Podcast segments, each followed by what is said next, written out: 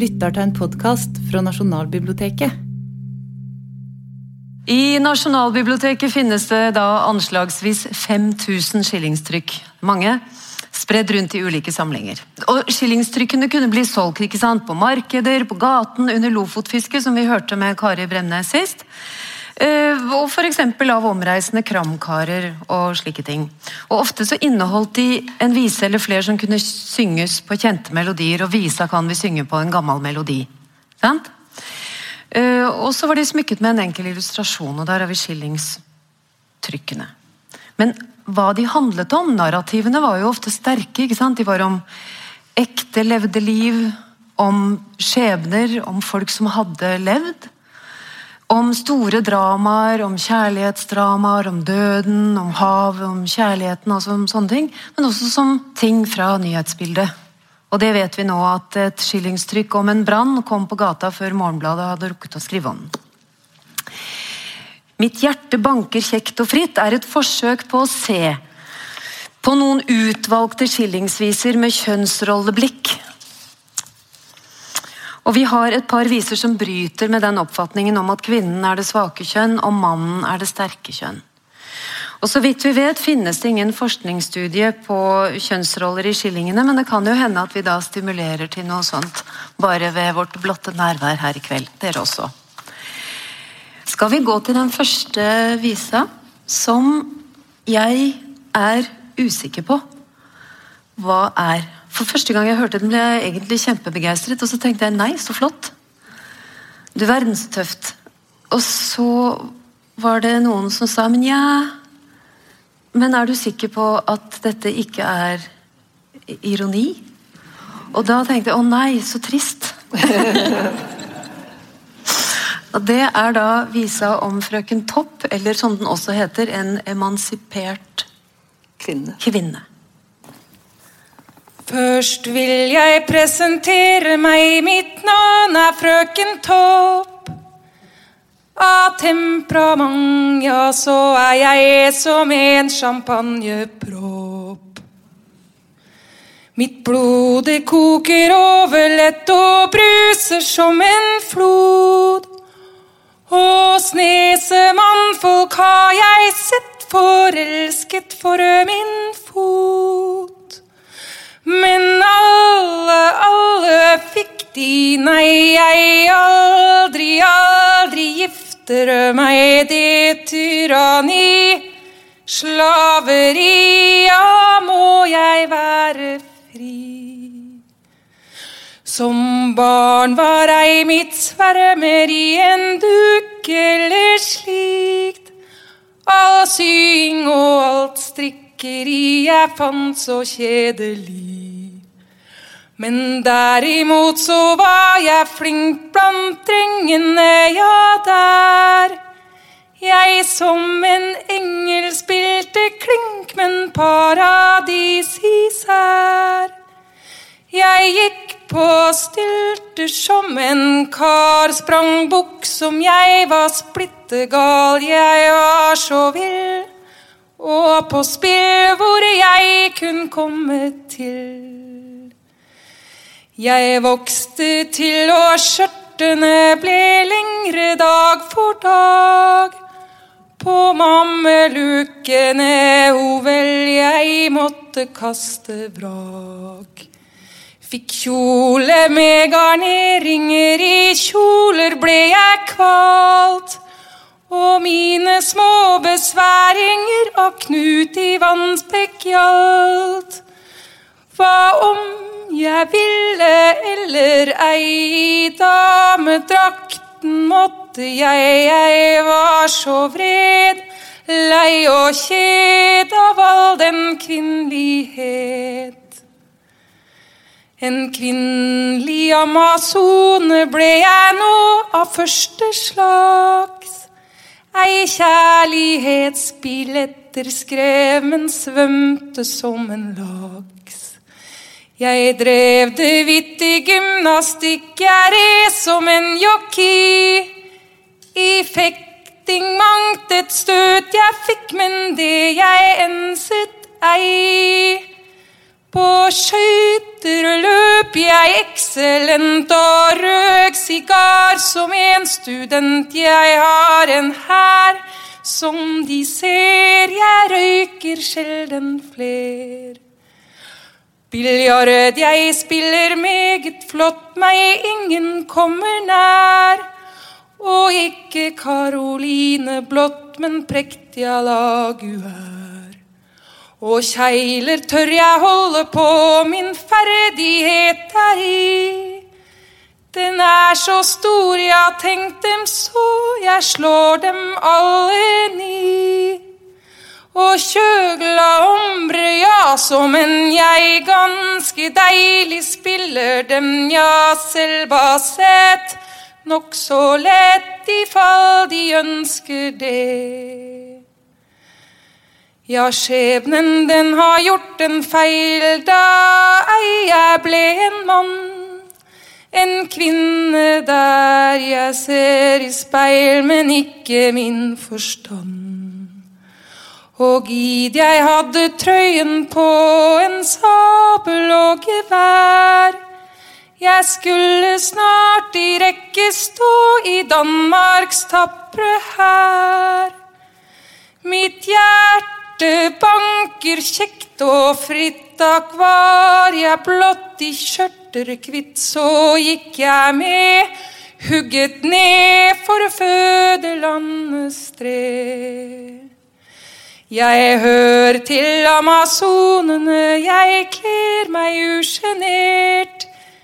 Jeg mangler permisjonene, men dog emansipert. Jeg møter dristig som de ser med stokk og briller på. Hvorfor skal ene herrer her med neseklemmer gå? Nei, jeg vil bryte skrankene og ser meg alltid tankene i blomsterdrakt. Uforsagt, så ta dem blott i jakt. Ja, jeg vil bryte skrankene og ser meg alltid tankene i blomsterdrakt. Uforsagt så ta dem blott i akt.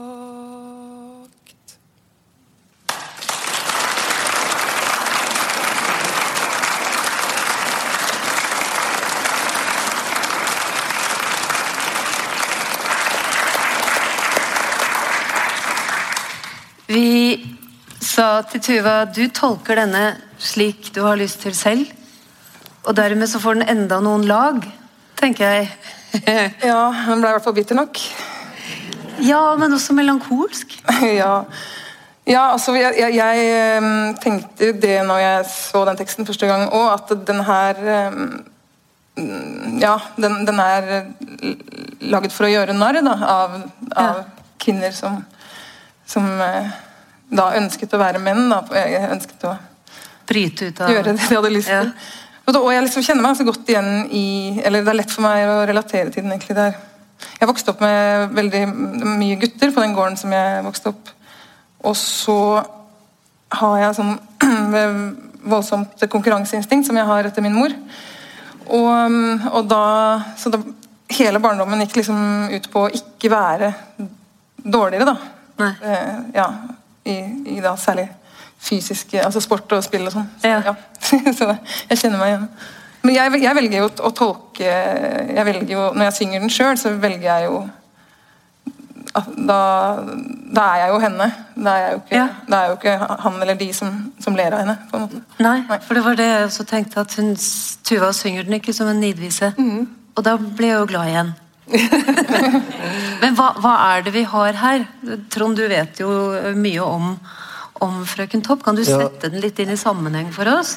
Ja, altså, det er jo Altså Det er jo det som er, det er veldig gode spørsmål. Altså Er det her en nidvise, eller hvordan er det? Hvordan var det egentlig med ens- eh, emansipasjonen på den tida? Hvordan forholdt man seg til eh, de herre Hva skal jeg si buks, Hvor er vi? Vi er på 1870, rundt 1870. Og vi er i Danmark. Og vi er hos da en av de mest produktive viseforfatterne i Danmark på den tida.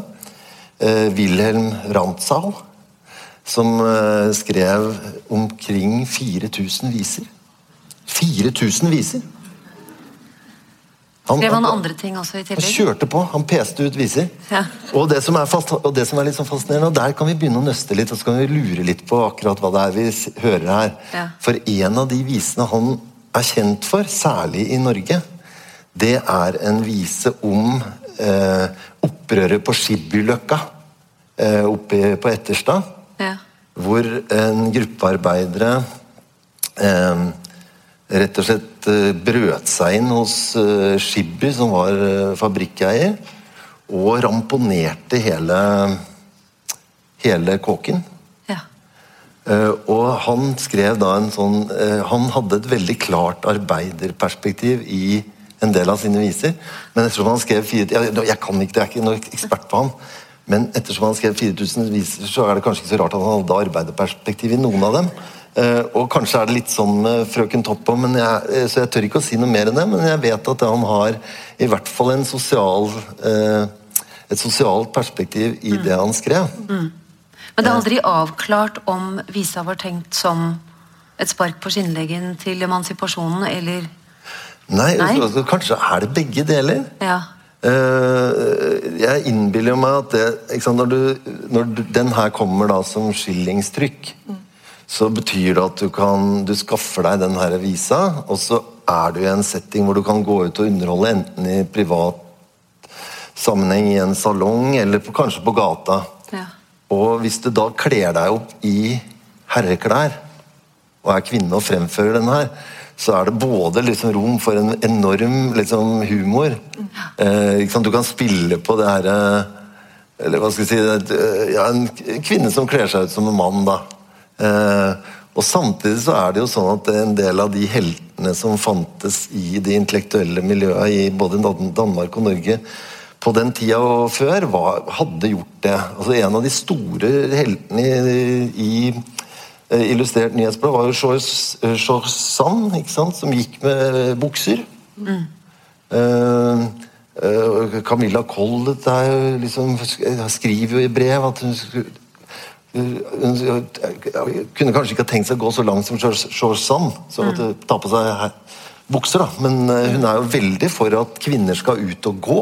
At de skal reise i Europa. At de skal være fri for eh, Altså slippe unna hva skal jeg si, blikk og tiltaler som er på en måte Så, så jeg, det, det ville ikke forundre meg hvis det her var en vise som både kunne appellere til liksom humoren i, i en liksom overdreven eh, likestillingstanke, men også minne om hvor skjeve forholdet her, og appellere til en form for like... Altså, Det var derfor jeg tenkte at det var fint å starte med den. Um, fordi at den har så mange lag i seg, og jeg nevnte jo uh, Kastet et blikk tilbake på Elvira Madigan i stad. Uh, hvor jeg med en gang jeg hørte den vise at jeg ble så grepet av den, men jeg også tenkte at hun Nei, det, jeg tror ikke det var sånn det skjedde. Jeg tror han skjøt henne. altså, Det gjorde han jo, men jeg tror ikke at hun nødvendigvis ville det, og sånne ting. Men så tenkte jeg likevel på dette med kjønnsperspektivet både, både i Elvira Madigan, som er så annerledes enn denne, og også her. Hvordan opplever du La oss ta Frøken Topp først, så kan vi gå tilbake til Madigan siden. Hvordan tenkte du Nei, jeg ble, jeg ble veldig rørt måten du sang det på. Fordi at min første tanke da jeg leste den, og jeg eh, leste den altså da nettopp, eh, det var at eh, dette må være en nidvise. Ja. Ikke sant? Jeg mener, Norge fikk allmenn stemmerett for kvinner i eh, 1913. eh, En av de første landene i Europa.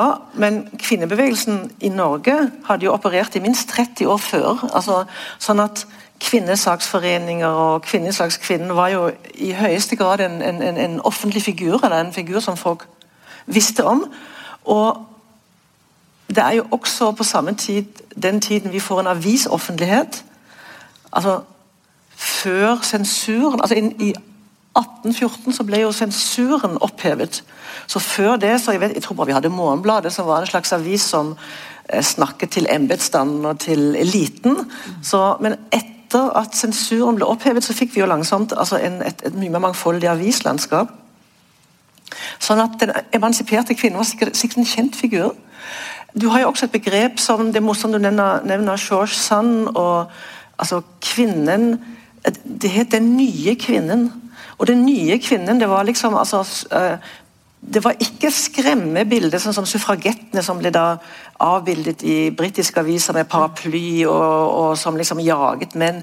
Men den nye kvinnen var liksom Hun var elegant, og hun hadde hun, altså, hun, hun røykte sigaretter og, og, begynte å bli avbildet i de første ukebladene, og sånn, så det var noe attraktivt med denne nye kvinnen. Men på samme tid er det jo sånn at bildet av kvinnesakskvinnen var jo et eh, veldig parodiert bilde av mannekvinnen. Altså den maskuline, den mannlige kvinnen. Og det ble ekstremt latterliggjort. Mm. Og ikke bare ble det latterliggjort, men altså eh, medisiner og vitenskapsmenn og, og sosiologer og, og, statsmenn holdt jeg på å si, var veldig bekymret. Fordi at naturenes orden kunne jo faktisk altså, bli veltet over ende hvis kvinner inntok menns roller. Fordi at kvinners roller, det må vi huske, og derfor har jeg vært så spent på når disse skillingvisene liksom ble skrevet. for at kvinners rolle var i stor grad knyttet til reproduksjon, altså det å være mor. Eh, eh, altså Arbeiderkvinner arbeidet jo, og på gården arbeidet konene, og, og, og fiskerkvinnene jobbet jo som bare det. Men eh, det var det som var deres hovedroller. Så tanken på at de skulle overta mannens roller, det ble oppfattet som direkte kontrært til naturen og farlig altså for samfunnet. Hvis vi tar skrittet tilbake til, til eh, Madigan igjen, som svever litt over vannet her, nettopp fordi det var en sånn historie, og fordi det ofte går igjen i, i skillings, En del av skillingsvisene har disse altså Det har man i ridderballadene også. Den voldsomme kjærligheten, voldsomme døden, de store følelsene. Det svære lerretet med de brede penslene og sånn. Når jeg hørte den sangen første gang, så merket jeg at jeg, jeg ble veldig opprørt av den. At jeg ble veldig, veldig opprørt, for jeg tenker at hun var bare 19 og han var 35.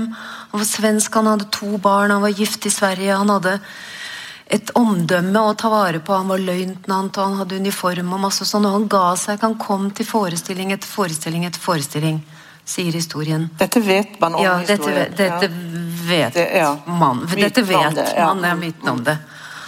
Og så etter hvert stikker de da av. Bruker opp pengene.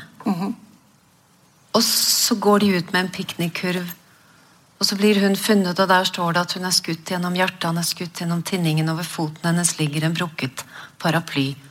Og Da må jeg gråte litt, for da tenker jeg på hun som bare er 19 år gammel. Og på han som er 35, og så tenkte jeg så Han hadde alt å tape, men det hadde jo egentlig ikke hun, og så ble jeg veldig mistenksom.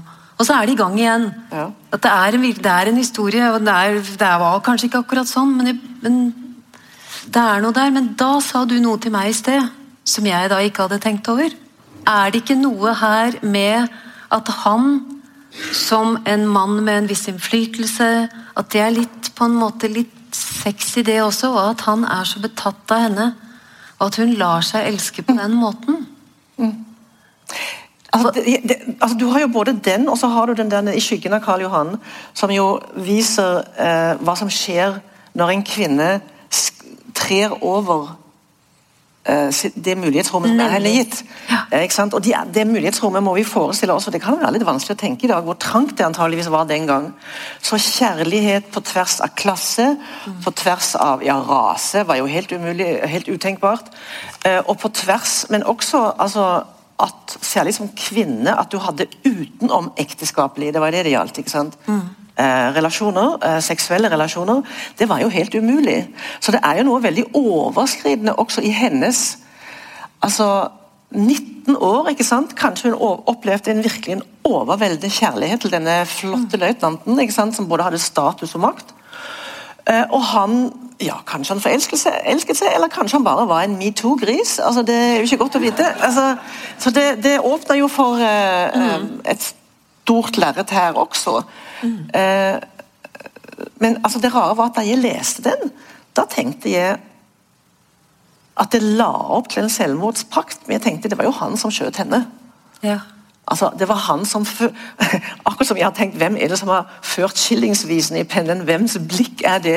Ja. Det er vel stort sett mannlige forfattere, men det var han som pekte med pistolen. Ja. Så Han pekte mot seg selv også, men det er noe med det. Hvem fører pennen, og hvem holder i pistolen? Det er et viktig spørsmål. Ja, det er et viktig spørsmål. Og så ble det nevnt eh, skyggen av Karl Johan.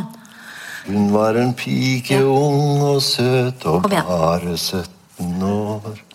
Og hennes kinn var rosenrød, og gyllent hennes hår.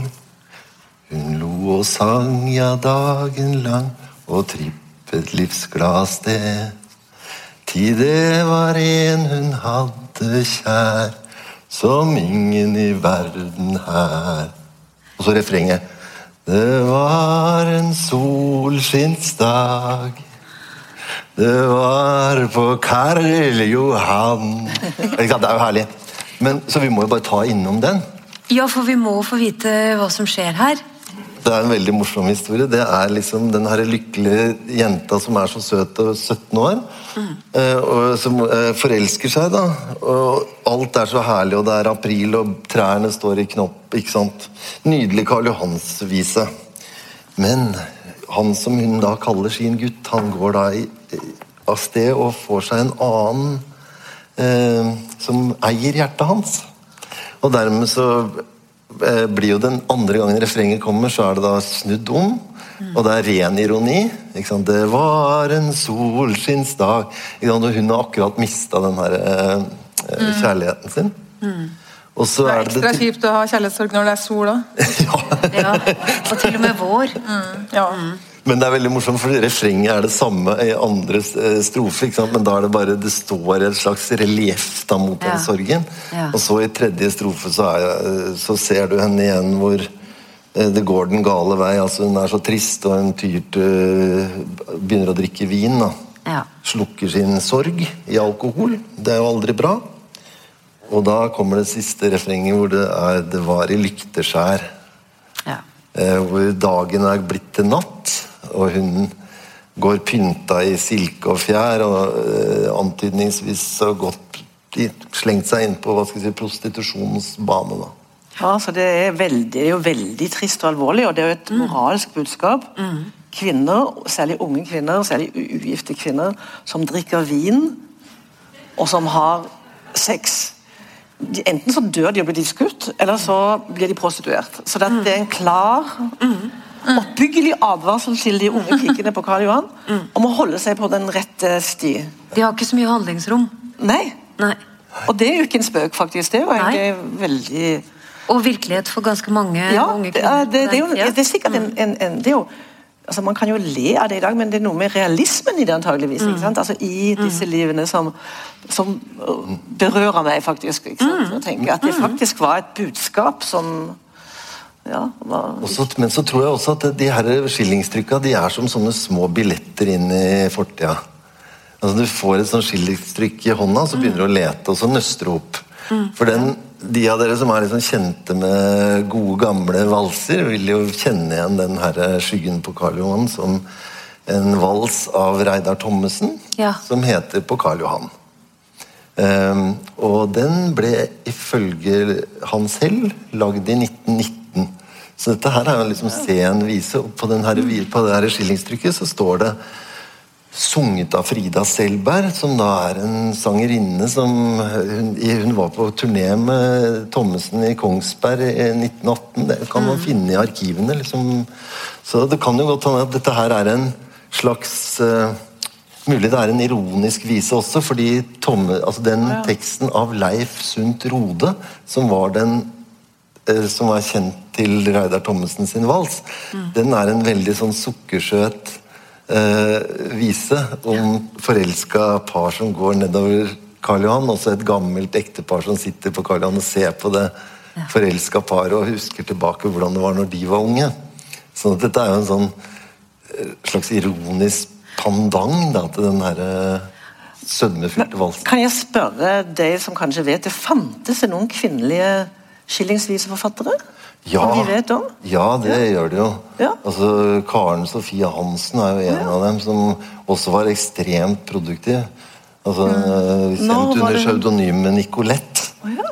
Hun eh, skrev eh, skrev masse viser, revyviser, sketsjer Mm. eh, fra slutten av 1800-tallet, vil jeg tro. Og fram til langt inn på ja, begynnelsen av 1900-tallet. Hun debuterte i 1915, tror jeg, på en måte med første, uh, første diktsamlinga si. Så var ganske noe- sen på en måte i forhold til skillingsviseperioden. Ja, og kommer nok mye mer inn i den her kabaret- og revyteatertradisjonen. som men som er en veldig herlig forbindelse da, fra vår tid og tilbake til Hun skrev jo mye for Chat Noir og sånn. Eh, Hun er faktisk min mormors tante. Nei. Det. Perfekt! Applaus. jeg har ganske mye materiale etter henne faktisk som jeg skal gi til biblioteket. Kanskje gi ut. Jeg tenkte at vi kunne nå ta en sving eh, med Tuva inn i Vika. Fordi når vi snakker om dette med kjønnsroller og stereotypier og sånne ting, så jeg merket når jeg satt og jobbet med dette for en stund siden, at jeg tenker med en gang på uh, kvinner og kvinners posisjon, som vi har snakket om her nå. Men jeg har lett for å glemme at det også fantes eh, trange rom for menn. Og for gutter som vokste opp på den tida, og i denne visa her, eh, som jo er nokså kjent, så møter vi en ung kar som ikke har så mye annet valg enn å jobbe det han kan for å tjene penger til familien, for far drikker og mor sliter. Så det er jo mer en, en historie om, om en ung mann, men også om klasse, om arbeiderklasse og om forholdene i Oslo på den tida. Ved omtrent hvilken tid befinner vi oss i da? Vet du det, Trond? Uh, ja, vi er om Godt spørsmål. Vi er rundt århundreskiftet. Vi er jo det. Olaves Pedersen, eller eh, altså, eh, Som var pseudonymet til Sinding Larsen. Mm. Sånn, Som var du Norges første fast ansatte journalist. Han skrev vel for Morgenbladet blant annet, og en del andre aviser. Uh, og skrev mange, mange kjente slingsvis. Vi har vel etterkommere av ham her i dag? Har vi ikke det? Ja visst har vi det. Vi skal til Vika, og vi skal til eh, en fattiggutt fra Vika, eller Gipsgutten, som den også kalles vel.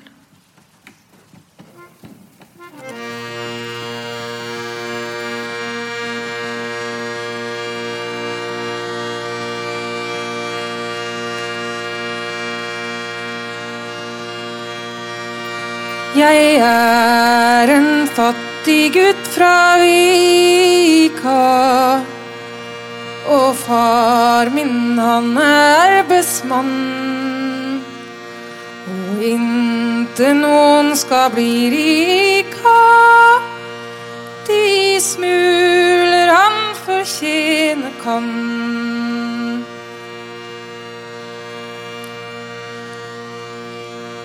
Og derfor kan vi inntil leve i sammenheng med far. par. Vi må alle sammen streve for å føa som er har.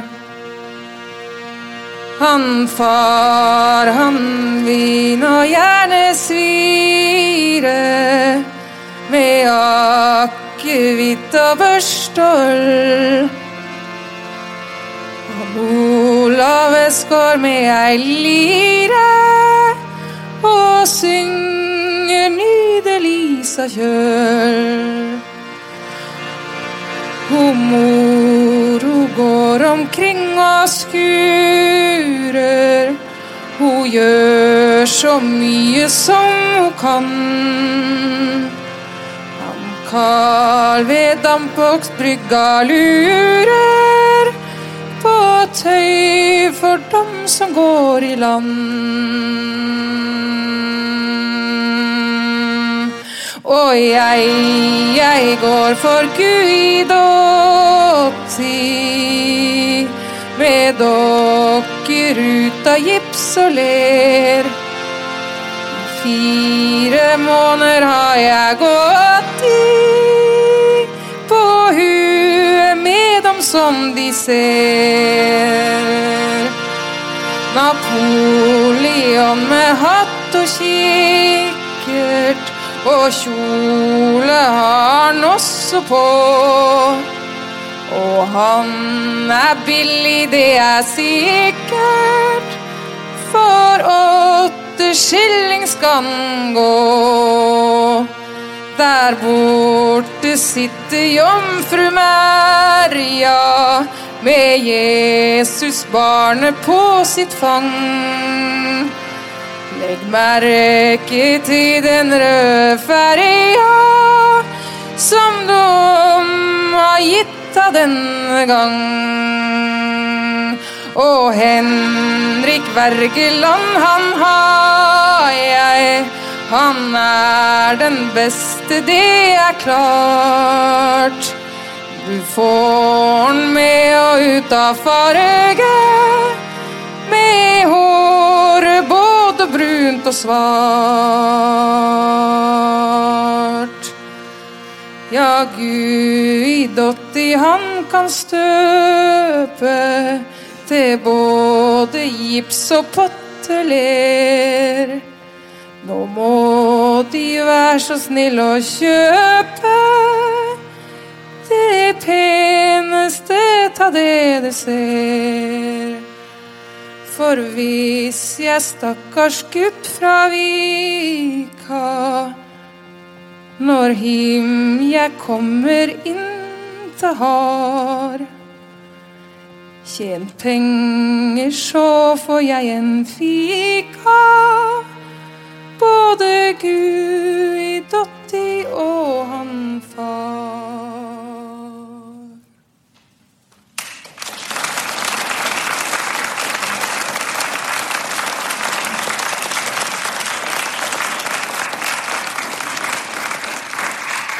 Stakkars gutt.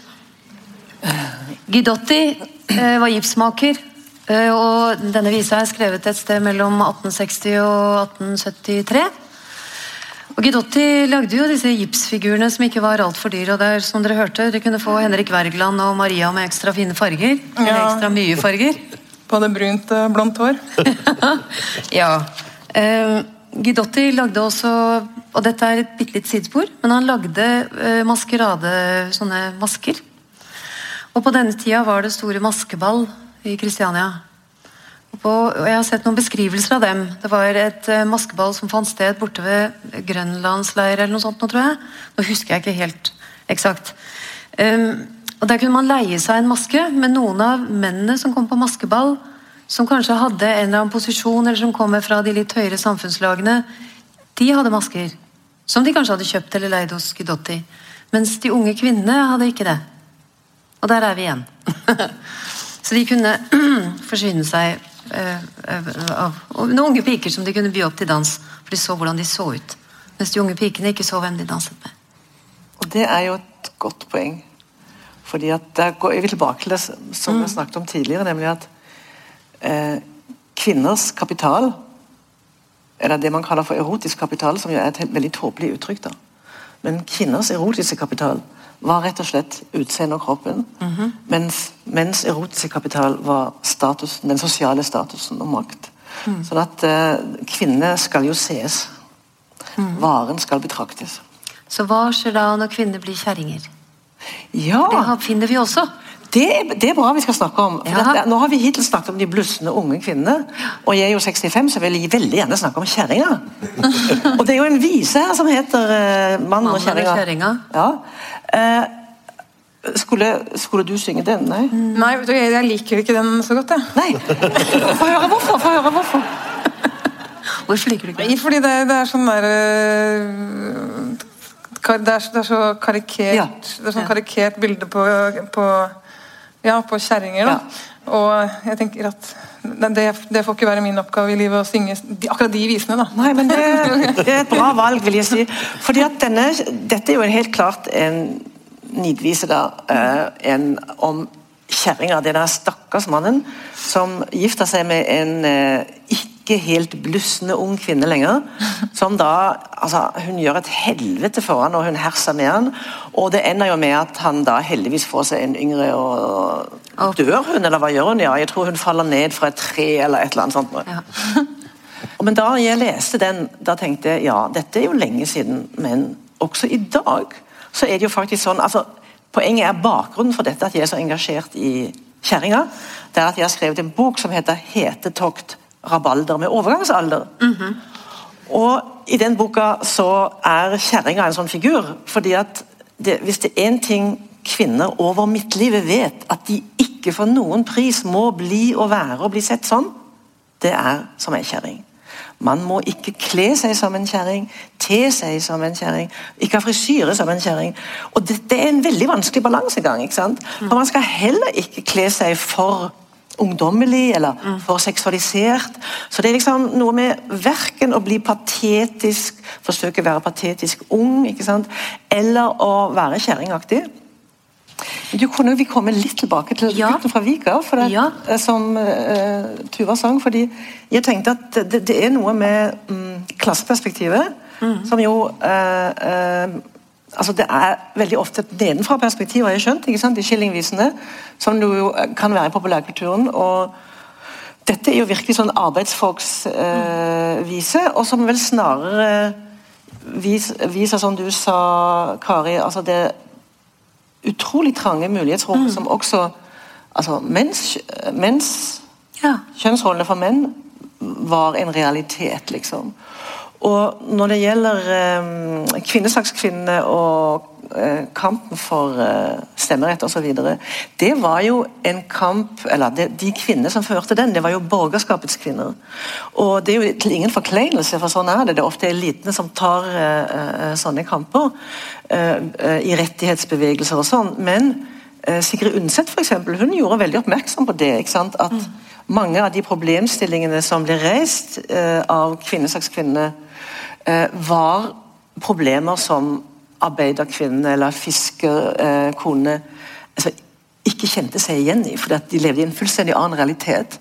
Så det, eh, Derfor syns jeg denne visen er så morsom, for den viser kanskje også en form for solidaritet mellom kjønnene på en annen måte kanskje enn disse pynte borgerskapskvinnene, som jo virkelig på en måte var mer innsnevret altså, i sine liv enn ei, ei skikkelig eh, arbeiderklassekvinne. Så det, det Klasseaspektet er spennende, tror jeg, i de skillingsvisene. da, sånn som jeg har skjønt. Jeg er helt enig. Men, altså, Gipsgutten, eller eh, Fattiggutt fra Vika, er jo eh, ikke sant, der har du, altså Hvis du sammenligner med Frøken Topp, da, så er, ikke sant, i Gipsgutten så har du en dialekt som du kan egentlig tenke er altså, Du kunne jo tenke deg at det var å gjøre narr av på en måte en klasse. Mm. Det det er lett å tenke seg at eh, Og derfor kan vi ikke leve i sammen hjemme hos, eh, var. far. Men nettopp det at det gir tolkningsmuligheter eh, bringer oss jo egentlig inn til eh, en annen mulighet for tolkning. Eh, og Tuva gjør jo det så fint, for du kan jo ta låter som kanskje var tenkt som noe, gjøre det til noe annet, og så tolke det sånn at man begynner å gråte av noe man kanskje i utgangspunktet håpet at vi skulle le av. Og det liker jeg veldig godt. Og når vi tenker på dette med fattiggutten som vi var innom igjen, så uh, Olaves, altså Sinding Larsen, var jo en god humorist, men også en med veldig stor sosial samvittighet. Eh, og hadde et klasseperspektiv i mange av eh, sangene sine. Han hadde jo det. Og dermed så blir den historien om denne gutten som går så detaljert inn i de tingene han skal selge for Gidotti, den blir så den blir så sterk nettopp fordi han er så detaljert om sånne bitte små ting. Men så kommer denne sangen, som jeg først tolket på en måte, helt til eh, Liv Kreken um, sa at jo, men du kan jo tolke den på det Har du tenkt at uh, det trenger jo ikke å være en, uh, en kvinne som som synger denne? Og det sa du også? Ja, det, det, altså den, Dere skal veldig straks få høre hvilken låt det er snakk om. Den, eh, den har jeg brukt ganske mye, og den eh, heter 'Mitt liv er sjukt'. Som da handler om en som eh, som er både blind og lam. Blam. Og har en datter da som hjelper henne, har jeg altså tenkt, med, med alt. Uh, og så skjer det da forferdelig at, datteren, uh, at hun finner datteren død. da. Eh, men det er klart, eh, det er ingenting i den teksten som tilsier at det må være en kvinne som, som synger den. Det, det tenker man jo bare fordi at kvinne og barn er så Tett sammen, vel? men det kan jo selvfølgelig like gjerne være en mann. Ja. og, og det er nesten enda tristere hvis det er en mann, fordi de, det er liksom Eller det, ja, det var veldig Ja. ja. Jeg, tar det nesten tilbake.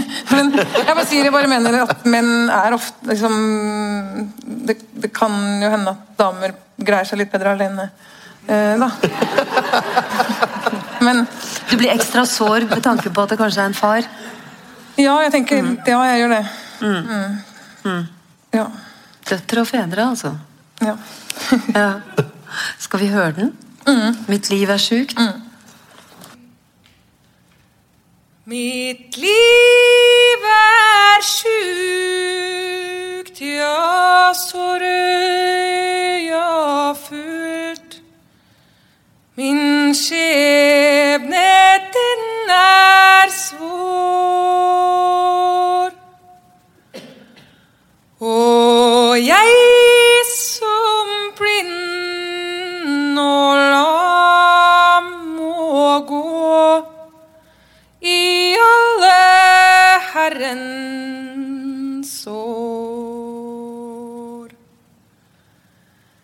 Jeg hater meg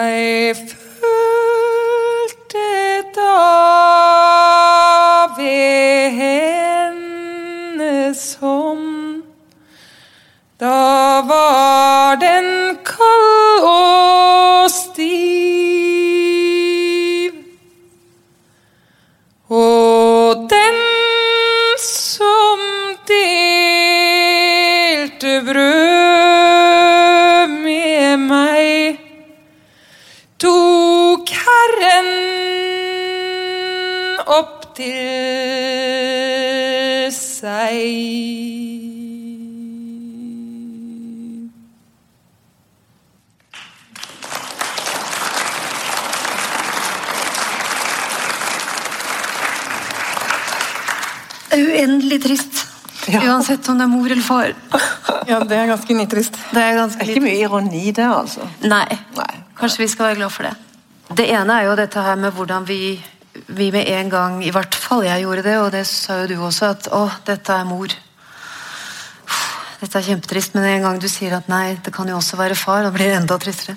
Men, men eh, perspektivene våre er jo både tillært og, og ja, noen av dem sitter litt fast.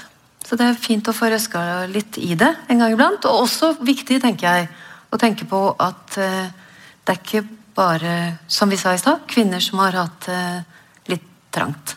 Um, lite bevegelsesrom. Men nå til den siste låta, som heter Lars Mathisens 'Friere'. Skal vi fortelle litt om den før vi går dit? Frieri heter den. Unnskyld, 'Frieri'. Lars Mathisens 'Frieri'. Det var bare én. Ja, ja, ja, ja. Jeg så faktisk at jeg skrev, skrev feil til deg i mailen, og så gadd jeg ikke å rette det. Da måtte jeg gjøre det nå. Hva skal vi si om Lars Mathisen, da? Hvordan skal vi sette denne her, den siste sangen dere får høre i kveld? Lars Mathisens 'Frieri'. Og i denne her, som vi har hentet fra Melvin Simonsen, allsangboka for skole og fritid Det var catchy. Er ikke det fint? Melvin Simonsen skriver at den bør synges på dansk. Ja, det, det, Der må jeg skuffe godeste Melvin. Ja. Det blir, Det blir en slags blanding, da. For den er jo rimelig dansk i Men her synger han til Kirsten.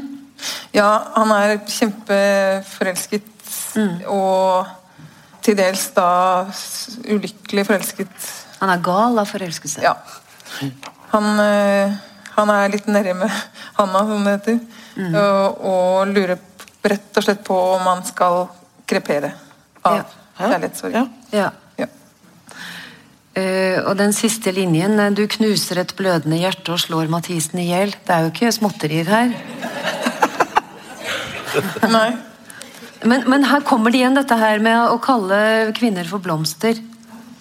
Altså For de er blott liljer og roser, men du er en tulipan. ja, det er en utmerkelse. det er det. Det er en- det er Er tulipan det fineste? Ja, ja, ja, i hvert fall her. Jeg, ikke, Ja, jeg ble veldig overrasket over det at tulipan liksom var det, Ja. det råeste, men jeg, Ja, Tulipan er jo en helt rå plante, da. det er jo det. Litt, litt næring, og så er det rett opp i givakt igjen. Den tåler alt mulig rart. Det er sant. det. Ja, ikke sånn givakt. Men altså, de, de, tå, de tåler frost og kulde og dårlig behandling og kommer seg likevel. Det er sant, det. Ja, altså Nærmest et fallisk bilde du tegner her. ja det var ikke tilsiktet. Nei, men det- plutselig bare det skjedde, kom det. ja. Ja. Subliminalt fallisk bilde. Som eh, dermed på litt klossete vis setter Lars Mathisen og hans eh, litt sinnssyke hjerte Ja. inn for oss. eh, Og som igjen minner oss om at disse visene vi basker rundt i her i Nasjonalbiblioteket, inneholder de store følelsene. Jeg blir rørt hver gang.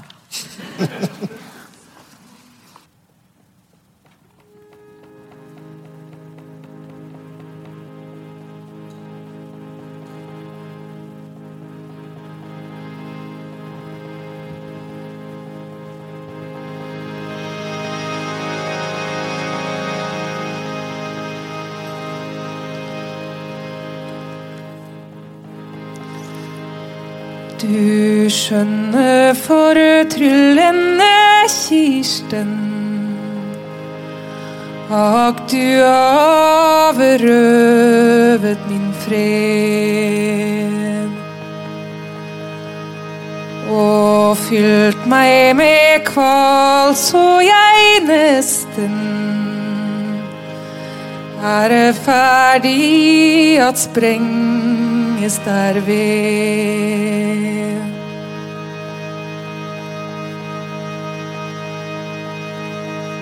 Jeg vil deg mitt hjerte opplukke, så vet du hvordan det er fatt. Jeg bruker min dag til å sukke og svømmer i tårer hver natt.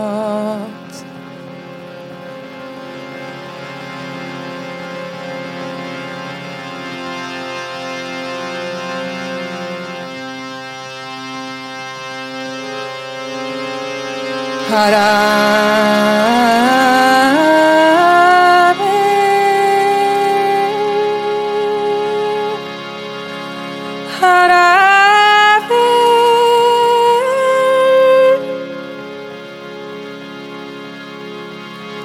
er vel i Oslo kommune av piker en hel million.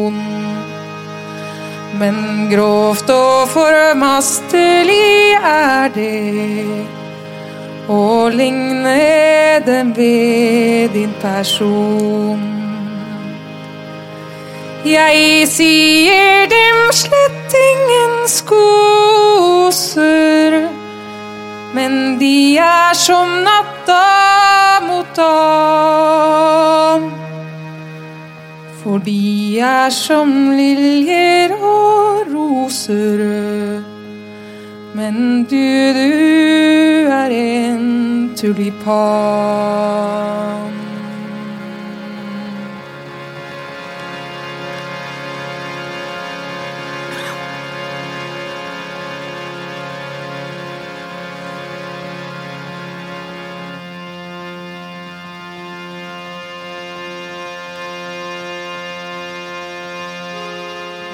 Med deg var det glede og gammen å følges på kjærlighetsvei. Si nå skal vi vandre den sammen. Hvis ikke, så svarer du nei. Men vold meg dog ikke den smerte. O pike, betenker du vel? Du knuser et blødende hjerte og slår Lars Mathisen i hjel.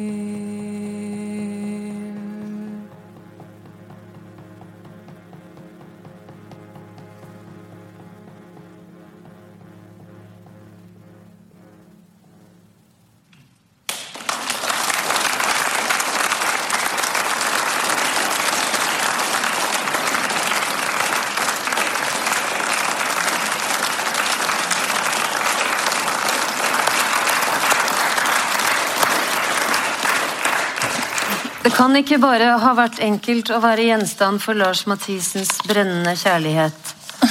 Tror jeg nok. Kan du, Tuva, før vi avslutter i dag, fortelle oss hva instrumentet ditt heter? Harmonium tror jeg det går under. Det er altså et indisk pumpeorgel. Men man må pumpe med den ene hånda, da, sånn at det blir jo Det blir jo begrensa hva man Hva jeg får til, i hvert fall. Men det er et sånn bra substitutt for et trådorgel. Eh, Fordi de er så tunge å bære. Ja. Ja, det får en si. Og gir også en slags liten sånn lirekassestemning, underlig nok, ja, ja. ja. Det, oppi det hele. det, det gjør det.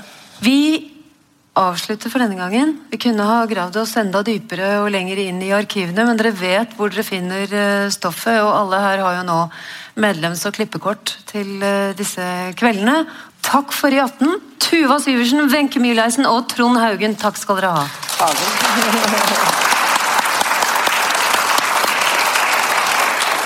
Og takk skal dere ha.